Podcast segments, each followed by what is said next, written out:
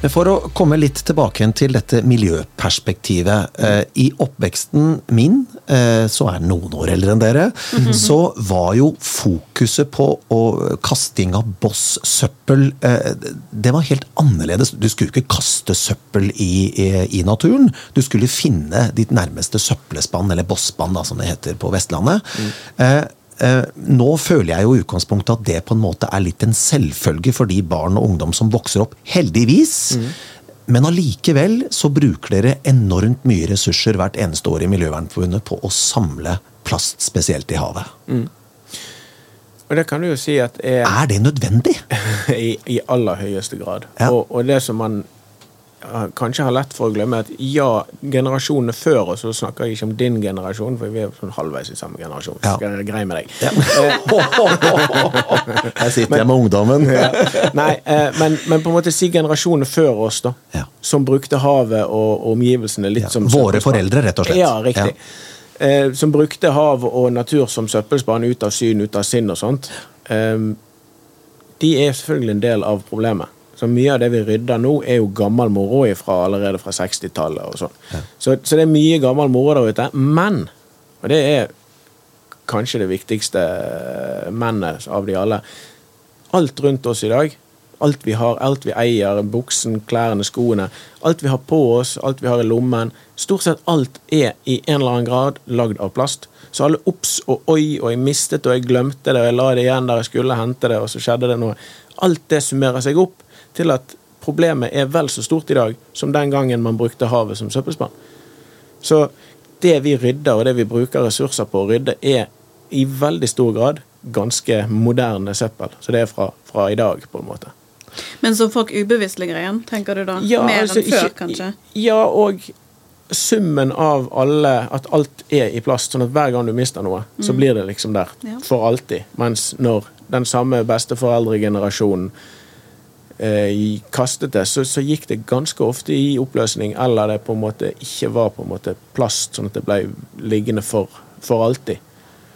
Men hvis du da går tilbake til 60-tallet og ser på 2023 som vi er i nå, hva, hva har skjedd med den eh, plastikken, eller de bildekkene, eller den plastposen som havna i havet den gangen der? Nå heter det vel mikroplast, da? Ja, til en viss grad. Ja. Så veldig mye av det ligger der ennå. Og vi ser det jo ikke. Ja, jo, altså mye av det ligger der ennå, for det, det, har såpass lang nedbrytningstid. Men mye av det har begynt å gå i oppløsning, og som du sier, er på vei til å bli mikroplast og er på en måte på full spiker inn i næringskjeden. Rett og slett. Og når jeg sier næringskjeden, så snakker jeg egentlig om middagen vår. Ja. Så det er på en måte det er nå vi har sjansen til å rydde de gamle syndene. Men den eh, sigarettsneipen som eh, Nå skal jeg bare si, for jeg gjør, jo aldri det, men som, som jeg Jeg røyker jo ikke, men eh, som jeg kasta på havet for eh, 20 år siden. Ja. Da jeg røyka. Med filter. Mm.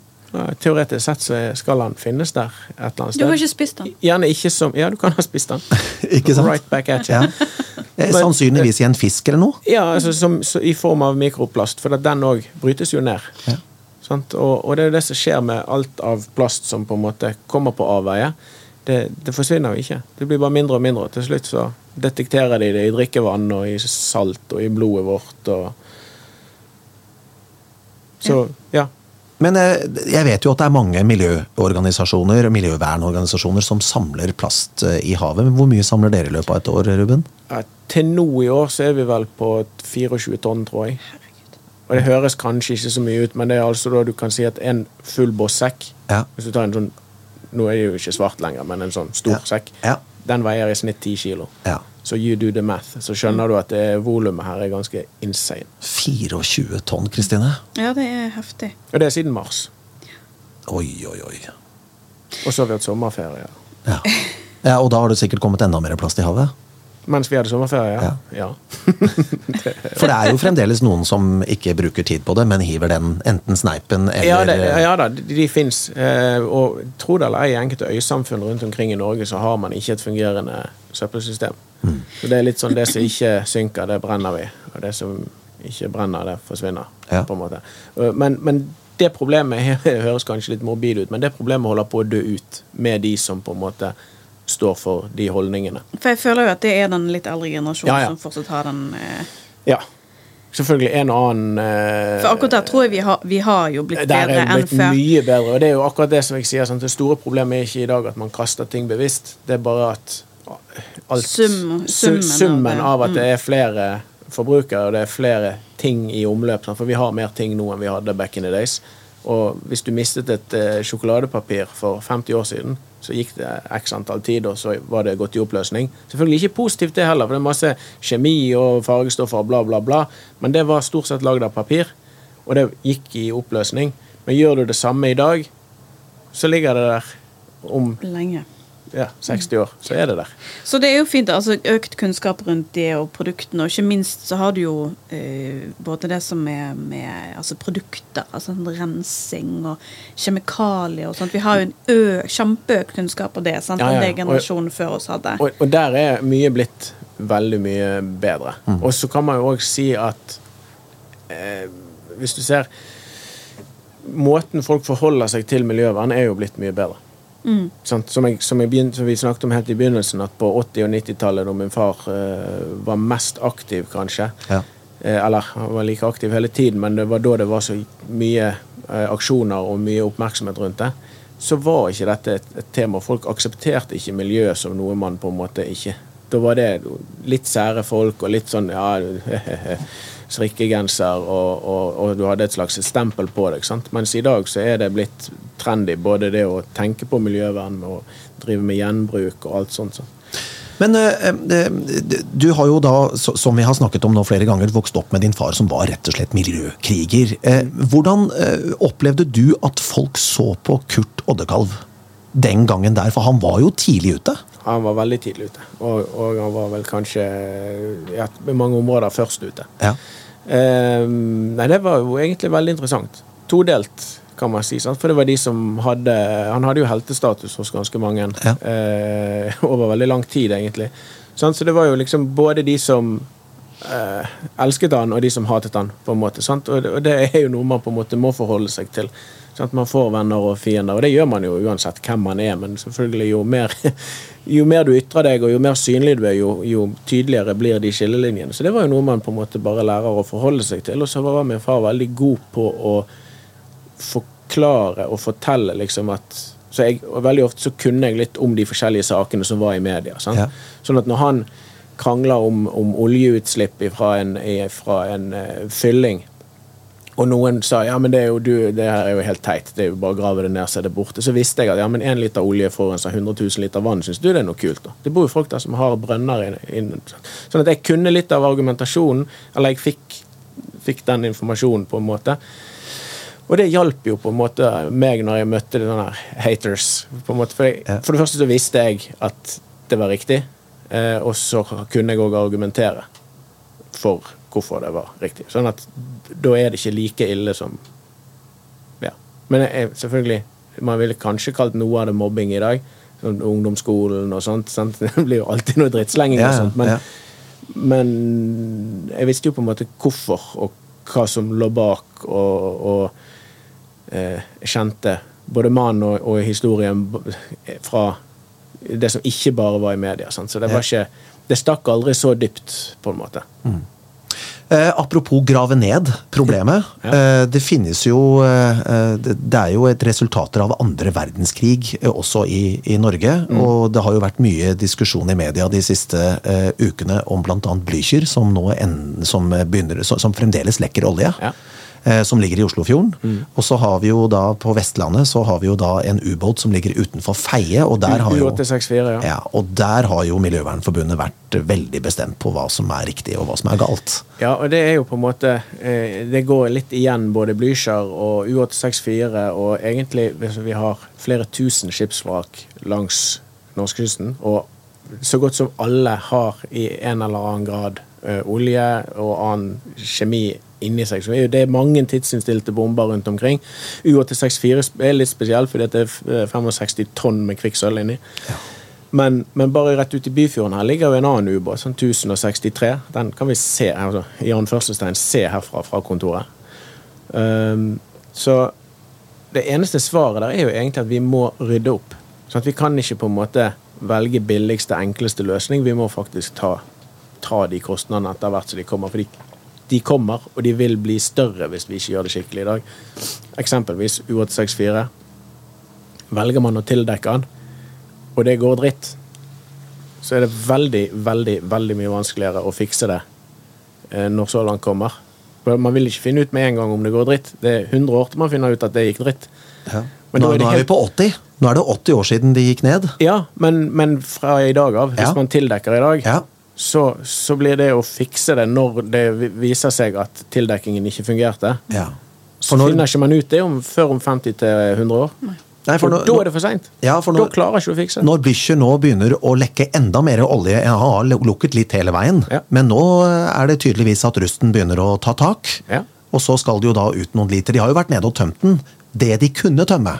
Ja, ja da, og så har man, men der òg så har man gjerne brukt eh, nå, nå kjenner ikke jeg eh, så godt til hva som har skjedd rundt Blücher, men jeg vet jo hva som har skjedd rundt andre skipsvrak og sånt. Ja. Så anbud, så legger man det ut på anbud, og så kommer folk og, og gir på en måte tilbud. Så vekter man på pris, som man alltid gjør. Pokker meg ta. Eh, og da er ikke det sikkert at det er beste teknologien. Det er kanskje ikke beste løsningen som blir valgt. Og dermed så får man eh, Man sparer gjerne noen kroner der og da, men så begynner det å lekke igjen etter en stund, for man gjorde ikke jobben skikkelig. Man var litt for kjip, man valgte billigste løsning. Sånn at man må utelukkende se på hva som er beste løsning. Og så må man egentlig drite litt i prisen. Selvfølgelig skal man bruke hodet òg, altså. Det er ikke det jeg sier. Men, men man må slutte å, å vekte pris mer enn miljø. Ja, for det, du, er jo åp, du er, mener jo åpenbart at f.eks. Uh, ubåten 864, U864. ja, som ligger utenfor Feie med ekstremt nye kvikksølv, den må heves. Den må heves. Og, og, og egentlig det eneste som er skikkelig godt nok, det er å heve hele. Ja. Og så må man Kan det gjøres på en forsvarlig måte? Ja. Og så kan man, og så må man sugemudre eh, bunnen. Altså egentlig man må støvsuge bunnen i overført betydning. Ja. For at i eksplosjonen så eksploderte det jo òg kvikksølvbeholdere som rant ut i, i sedimentene rundt, og derfor finner man kvikksølv der. Det er ikke fordi at de i kjølen lekker. Og dere som miljøkrigere har selvfølgelig vært der ute og sett det selv. Ja, vi har vært der to ganger. Ja. Eh, ingen av gangene hadde vi lov, så det var jo greit. Men, Men det er jo derfor man er miljøkriger, Ja er det ikke det? Jo da, men, men på en måte, det fikk ikke noe etterspill heller, Nei. så det var jo greit nok. Men, men vi har vært der, og vi har sett på det, og det, det som man kan jo merke seg, er jo at mange av de ekspertene som vi snakker med, som sier at dette ikke er noe problem, både våpeneksperter og andre, de har ikke blitt hørt. De, de, de står på en måte og, roper litt i, i mørket og forteller at denne typen ammunisjon og sånn og sånn kan ikke detonere, det er ikke farlig. Blir ikke hørt. Og da ser man jo at det hele tiden er den billigste løsningen som, som ligger, legges opp igjen på bordet, og så gjør man forskjellige moves for å få den heveløsningen ut i mørket. Ja, og dette her er jo noe som din eh, far var jo veldig eh, på U864, og dette er jo noe du har tatt med deg videre, eh, med videre eh, fremover med Norges Miljøvernforbund, og du har ikke tenkt å gi deg, har jeg skjønt? Nei, altså, vi står jo på at den eh, må opp. Ja. Eh, så, men så må man jo se, da. Nå er vi jo i runde vet du faen jeg, ti eller tolv og å diskutere hva som skal skje med den. Eh, så det blir spennende å se, på en måte. Men vi, vi følger med, og vi mener bestemt at den må opp. Og hva vi skal gjøre hvis man finner ut man skal dekke til, det vet vi jo på en måte ikke. Men vi skal i hvert fall gjøre så godt vi kan for å få den opp. Er det dødfødt? Nei. Nei. Det er ikke det, for jeg har jo veldig tro på både fornuft og logikk og alt mulig sånn, så jeg, jeg tror jo faktisk at man blir nødt til å heve den. Ja. I hvert fall heve lasten. Det er liksom minste minste man kan slå seg til ro med. Tilbake til barndommen eh, din, Ruben. Eh, Vi snakket jo litt om at eh, du har vokst opp med miljøvern, og mm. fikk være mye ute, men du hadde også interessen for det sjøl. Ja. Eh, kunne du tenne bål tidlig? ja. Hvor gammel var du? Da du lagde ditt første bål, sånn cirka? Det er egentlig et ganske godt spørsmål. Jeg har aldri tenkt på. Det er derfor du er her. ja. eh, nei, jeg var vel sikkert eh, Jeg vet ikke, for jeg har vært med på det så lenge at når jeg på en måte var herre over egne flammer, det vet jeg egentlig ikke. For det er jo en sånn milepæl i livet, det. Ja, ja, ja. Eh, Jeg er jo vokst opp på, delvis på fjellet sjøl, og lærte tidlig å, eh, å tenne bål. Kan tippe jeg var kanskje sånn seks? Fem-seks jeg år. tipper jeg var rundt der, jeg òg. Ja, jeg da, kunne, skap, med- da skapte jeg noe, sant? Ja, men man har jo lekt med fyrstikker lenge før det. ja, det har vi vel alle. jo da, jo, men altså med, med, med kyndig veiledning, på en måte. Men, men jeg tror nok at eh, fra jeg kunne holde en fyrstikk, så har jeg sikkert fått lov å tenne i bålet, liksom. Ja. Fisketurer, da? Ja, så lenge jeg kan huske. Ja. Og jeg er jo lidenskapelig sportsfisker og eh, kan vel på mange måter karakteriseres som fiskeidiot. Ja. Eh, men jeg har altfor liten tid til å fiske, så jeg får jo ikke, jeg får ikke fiska noe særlig. Barna òg? Ja, heldigvis. Glad i å fiske? Ja, heldigvis. Er med pappa på fisketur? Ja. fantastisk. Så målet, målsetningen er jo at, at i hvert fall én av de skal bli så engasjert i fisking at det blir litt sånn som jeg var da jeg vokste opp, for jeg maste jo konstant om ikke min far eller min stefar spesielt kunne ta meg med på fisketur. Sånn, sånn at jeg ble jo da primus motor for å komme seg ut på tur. og Jeg håper at mine unger skal gjøre det samme. Sånn at jeg, Men det var bedre før. Det, det, det skjer ikke mye nå. Nei, eh, altså eh, Hvis du skal få ungene til å være med på fisketur, så tror jeg du har gjort alt riktig der, Ruben. Fordi du har, bedt, du har spurt om de har lyst til å være med på fisketur. Nå skal vi ut og fiske. Det er jeg helt sikker på. Jeg har på følelsen av det, for jeg har jo barn selv. Og de har den interessen, de også. Når vi, nå skal vi ut i båt, og skal vi fiske? Ja, det skal vi. Så det, det er noe vi foreldre rett og slett har nødt til å få med barna på. åpne de dørene, og det, det blir viktigere i dag når det er så mange ting som kommer i veien og forstyrrer. Ja. Tenker sånn her eh, PlayStation og mobiltelefon og spill og alt mulig sånt. Ja. Det er distraksjoner som er der 100% så hvis ikke vi på en måte åpner en annen dør, så, så sitter de der. Ja. Sant? Men hvis vi på en måte eh, til en viss grad legger til rette og, og prøver å engasjere og skape et alternativ, i hvert fall. Vi må gi de alternativet. Hvis ikke, så, så er alltid gamingen der. Er du glad i å fiske, Kristine? Jeg har aldri hatt noe forhold til det, egentlig. Nei. Vil du at barnet ditt skal få det? Ja. Ja. altså jeg, vil jo at Jeg er jo veldig glad i å være ute. Ja. Eh, friluftsliv generelt sett, så er jeg jo veldig opptatt av at det skal bli en naturlig del av eh, hverdagen. Ja. Det å være ute og være i aktivitet og eh, Nå ble jeg jo som en sånn attpåtklatt. eh, med, med en far som var mye syk, så det var liksom ikke så veldig mye den type Sånn typisk papparoller, sant. Um, uh, og han døde såpass tidlig at jeg fikk liksom aldri sjansen til å komme dit enn at du blir interessert i det. Sånn, du, pappa, kanskje du viser meg de tingene der. Sant? Um, men ja.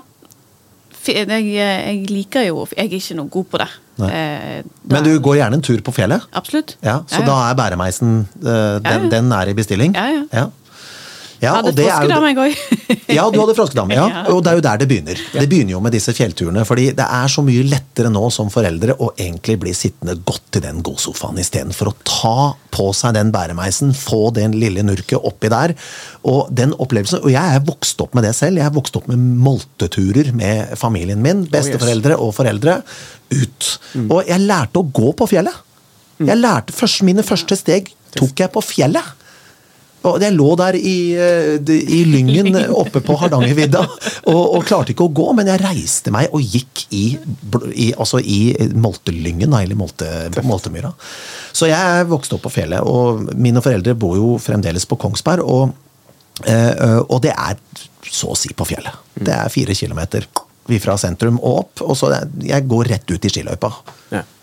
Så jeg, jeg liker det, og mine barn vil jeg at skal oppleve det. De har også en mor som er veldig glad i å gå på tur, og det merker jeg når de kommer til meg, at de har vært på noen turer på fjellet, og det syns jeg er kjempekult. Det er så mye å oppleve! Ja, Men, men det- det ser jeg, det, det å gå på tur er jo noe jeg sliter mer med med mine enn det å gå på fisketur eller jakttur eller noe sånt. Og det kjenner jeg litt igjen òg.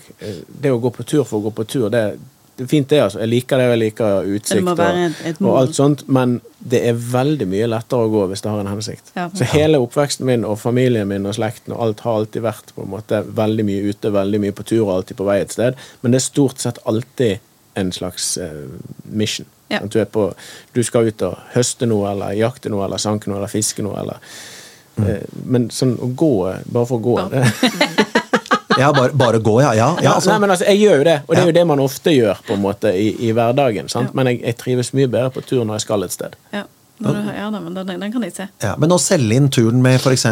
nå ikk- Denne helga her så skal vi på fjellet. Vi skal sove i hengekøye. Det holder, det. Ja, ja, det er du. Da er de klare. Ja, ja, kjempe. Ah, køye! Og da spiller det ingen rolle om du går i to timer, for den køya, den gleder jeg meg til. Ja, for da, men da har, du, da har du en purpose. På Ja. en måte. Da skal du et sted, og da har du noe du skal. Og hvis du i tillegg har en fiskestang med, så du skal fiske litt når du kommer fram der, Ja. ja, da er du Har den lille gulroten. Ja. Et lite bål der. Og, Jo, men, Men det er jo koselig når du først kommer fram til destinasjonen, så er det jo helt nydelig. Ja. Fire timer over vidden i migrein, og så skal du bare i bilen og sette deg i, og kjøre hjem igjen etterpå. Den er mye vanskeligere å selge. Ja. Det er for, altså, i anførselstegn for spesielt interesserte, og, og jeg er jo en av de, på en måte. Men, men skal du på en måte selge det inn, så er det mye lettere å ha noe å selge. Sånn som er hjemstedet i i Bergensregionen og eh, hovedkontoret til Miljøvernforbundet som ligger i Bergen. Det finnes jo syvfjellsturer. Har du gått den? Eh, altså, jeg har faktisk ikke gått Syvfjellsturen, men jeg har gått jubileumsstien i ett, ett drag. Ja. Så 55 km, 2800 høydemeter, rett i underkant av 12 timer. Ta den, du. Ja. Så kan du komme med Syfjellsturen etterpå. Den er- Møter vi deg i Stolsekleiven? Eh, ikke så mye nå. Eh, var veldig mye der før. Eh, gikk veldig mye på eh, tid og på Stolsen og sånt tidligere, da. Ja. Eh, nå Akkurat nå er jeg i full oppussing og ligger mest på kne og snekrer, men eh, snart så skal jeg tilbake. Vi har noen, eh, vi har noen eh, spørsmål på, på slutten her. Ja. Eh, Ruben Oddekalv, leder for Norges Miljøvernforbund, som alle må gjennom, som er gjester hos oss. Er du klar? Jeg eh, Ja. Det er ikke noe vanskelig. Altså, det er rett og slett bare litt sånn tilbakeblikk på det første man tenker og forhold til. Og nå er jo du et 84-modell, så 90-tallet eh, kan du på en måte prøve å eh, ja, peker deg inn på. Og så hvis jeg da sier mat, På 90-tallet Nei. Eh, favorittmaten din når du liksom ser tilbake på 90-tallet? Nei, Det var vel de få gangene man, man var i byen og kjøpte en uh, rullekebab. Oi, Ja! Det nice. er det første, første tanken. Jeg har spist veldig mye andre art altså, men, men akkurat den rullekebaben det var en, en greie en periode på 90-tallet. Jeg så for meg nystekt ørret på bålet, jeg, for eksempel. Jo jo, men, men det var ikke Men det var jo sånne biffsnadder og, og Ja. ja, Ja, det var den. Biffsnadder, burgere, Ja. og så kom rullekebaben. Ja, Ja. ja, ja, ja det, jeg er med på den. Ja, kult. Film. Oi. Jeg, jeg har sett veldig mye film, Ja. mm, men jeg husker jo som en gullfisk. Sånne ting husker jeg ikke. Titanic. Nei, kutt ut, da. Eh, Løvenes konge. Full Metal Jacket. Oi! Bare For fordi at det var den første som datt ned i Ja. Og det er jo, det er jo 80-tallet. Men eh, filmen var jo men Jeg så den på 90-tallet. Ja, Ja, ja, det helt- selvfølgelig. det er helt- selvfølgelig. Det er jo på en måte lektyre, så det er bra. bra. Kanskje Green Mile. Ja. Ja. Ah. Musikk. Mm, nei, jeg var vel litt sånn ACDC Jeg ser ikke for meg at du var Spice Girls. Nei, men satt på en sang, så kan jeg den. Ja, det tror jeg vi, det tror jeg vi alle uh, nei, eh, litt sånn ACDC, Black Sabbath, Pink Ja. Floyd, den gaten der, Ja. da. Mote. Nei. Nei. Svaret er nei, rett og Ja, slett. det er, hvis du spør hvem som helst rundt meg, Ja. Så, så hender det at jeg som fra tid til annen kicker inn med et eller annet som er helt spot on. Men nå har jeg sannsynligvis gjort det i ti år allerede. Men du hadde vel kanskje Adidas eh, knappebuksen? eh, nei. Hadde du ikke det? nei. Jeg tror det var alle hadde det. Ikke det, ikke Buffalo-sko, ingenting. Nei. Nei, nei. Ok. Buffalo-sko er kanskje en damegreie. når jeg tenker meg. Ja, Ja, det det er jo for så vidt det. jeg hadde jo ikke det, da, eh, så det taler jo til min fordel. vil jeg si. Men jeg har, nei, jeg har egentlig aldri vært uh, inn. Ja, for jeg husker liksom den, eh, spesielt 90-tallet, og liksom når vi kom opp i seint barneskole tidlig, så var det liksom den der Adidas kneppebuksen eh, som ble så påvirket. der. var, altså, ja. ja. Levis Le- 501 ja, ja, ja. og, og disse aldri, tingene. aldri så, Som sagt, det kan godt hende jeg hadde en Levis på et tidspunkt, men det var bare fordi da var det der, altså, helt, helt wasted. Var ikke interessert? Nei, ikke litt engang. Så ble det jo sant, Når du da først ikke er interessert, når du driter ganske tydelig, og du er vant til å stå litt for dine egne meninger, sånn, så Ja. blir det fort en greie. Sant? Så da du gir du i hvert fall faen. så sier det, Sette det litt i perspektiv, da, kanskje for å utlevere meg sjøl litt òg, så gikk jeg nesten to år fast med cowboyhatt. Ja. Hver dag. Ja, så godt som. Boots òg? Nei, nei. Nei, bare Nei, hatten? jeg Bare bare hatten. Ja. Det, det, men da var jeg litt eldre. Da var jeg sånn 16 Det var vel på ti, ja, slutten av 90-tallet, begynnelsen av 2000-tallet. Der omkring. Hva, hva, var, hva lå bak det? Uh, det begynte egentlig bare som en sånn gøy greie, og så ble folk så jævlig løgne av det. Og så, så det var jo mest på trass, rett og slett. Ja. Men, men steike hvor mye oppmerksomhet du får når du gjør det. Så hele, all russen på, på skolen jeg gikk på, skulle ta meg, og det var masse eh, greier rundt det. Ja. Over en hatt. Tenk det kan provosere. Ja, det var kun hatten. Ja, det. Men du har allerede vært inne på det. Men siste, siste spørsmålet, så uh, tror jeg vi vet kanskje hva som kommer. Men fritid. Ferdig på skolen. Hva gjorde du? Nei, det var Fortest mulig hjem. Minst mulig lekser. Eh, og så var det primært da eh, fisking. Eh, mest fordi det er en helårsgreie som vi gjorde hele året. Og så litt lengre, da vi var blitt litt eldre, så gikk det en del i, i andejakt og sånt på høsten. Men, men fisking definitivt. Og det kunne jeg jo gjøre i hagen. Og hadde jo på en måte full eh, tilgang til, til alt av fiske. Så det må nok bli fisking. Ta en på den slutten her, da. Dyr. I oppveksten. Eh, mange. Ja. Så Eller det vil si, ja, vi har alltid hatt hund. Alltid hatt høns. Uh, jeg hadde kaniner da jeg var liten. Jeg kan ikke fordra katter, men jeg har hatt katt egentlig alltid. Eh, eller jeg Katter er jo er bra, på en måte. Men nei. Katter er ikke bra. Eh, re, altså er så bra! Ramle kommer jeg til å få hatbrev og alt mulig. Nei da. eh, I utgangspunktet, eh, jeg er veldig fascinert av katter. De er fantastiske skapninger. Eh, veldig grasiøse. Sinnssykt gode jegere, og der er store problemet. Jeg vil heller ha kjøttmeis i hagen enn katt i sofaen. Eller det vil si, skal du ha katt, så bør han, må han egentlig være inne. Ja. Katter er det største, den største predatoren på småfugl og smådyr i Norge i dag. Er ikke rev, er ikke mår, ikke ulv eller noe sånt. Det er faktisk katter. I snitt så tar én katt fem eh, småfugler i året. Og så er det 950 000 katter i Norge. Ja. Nå gikk kanskje ikke den podkasten den veien dere hadde tenkt, men Nei, men det, det er kjempe Men- Det, det men- her er jo veldig Det er jo lærerikt. Ja. Men- Dette er jo ting vi ikke går og tenker på. Nei, det er jo dessverre ikke det. Det er jo veldig mange som ikke tenker på dette. Og katter er det jo sinnssykt mange av. Så det er jo Ja. Derfor har jeg litt sånn problemer med katter. Og jeg hadde en sånn aha-opplevelse da jeg var liten, for jeg var alltid natur- og fuglekasser, og, og fulgte de egentlig veldig tett. Og det er jo på en måte å se linken med at ok, den kjøttmeisen, det var moren til de, og nå har katten spist den, og nå dør de. Altså, den fikk jeg på nært hold et par ganger, så da ble jeg liksom ikke katt den sank liksom på popularitetsskalaen. Så nei, jeg har alltid hatt hund, alltid hatt høner. Som sagt, alltid hatt katt. Jeg har ikke det nå, da. Ungene får ikke det heller. For nå, for nå har jeg lært. Og det er jo det, det, er det man på en måte sant? Men eh, vokst opp og hatt hest fra jeg var vel 16, så hadde vi hest. Det var egentlig der cowboyhatten kom inn i bildet. Ja, Det var det som var det mitt aller siste spørsmål. Ser vi deg eh, ridende på en hest med cowboyhatten i, i, nå? Eh, veldig lite nå, for nå har jeg ikke Min kone har hest. Eh, traver, så nå skal vi bli, bli rik.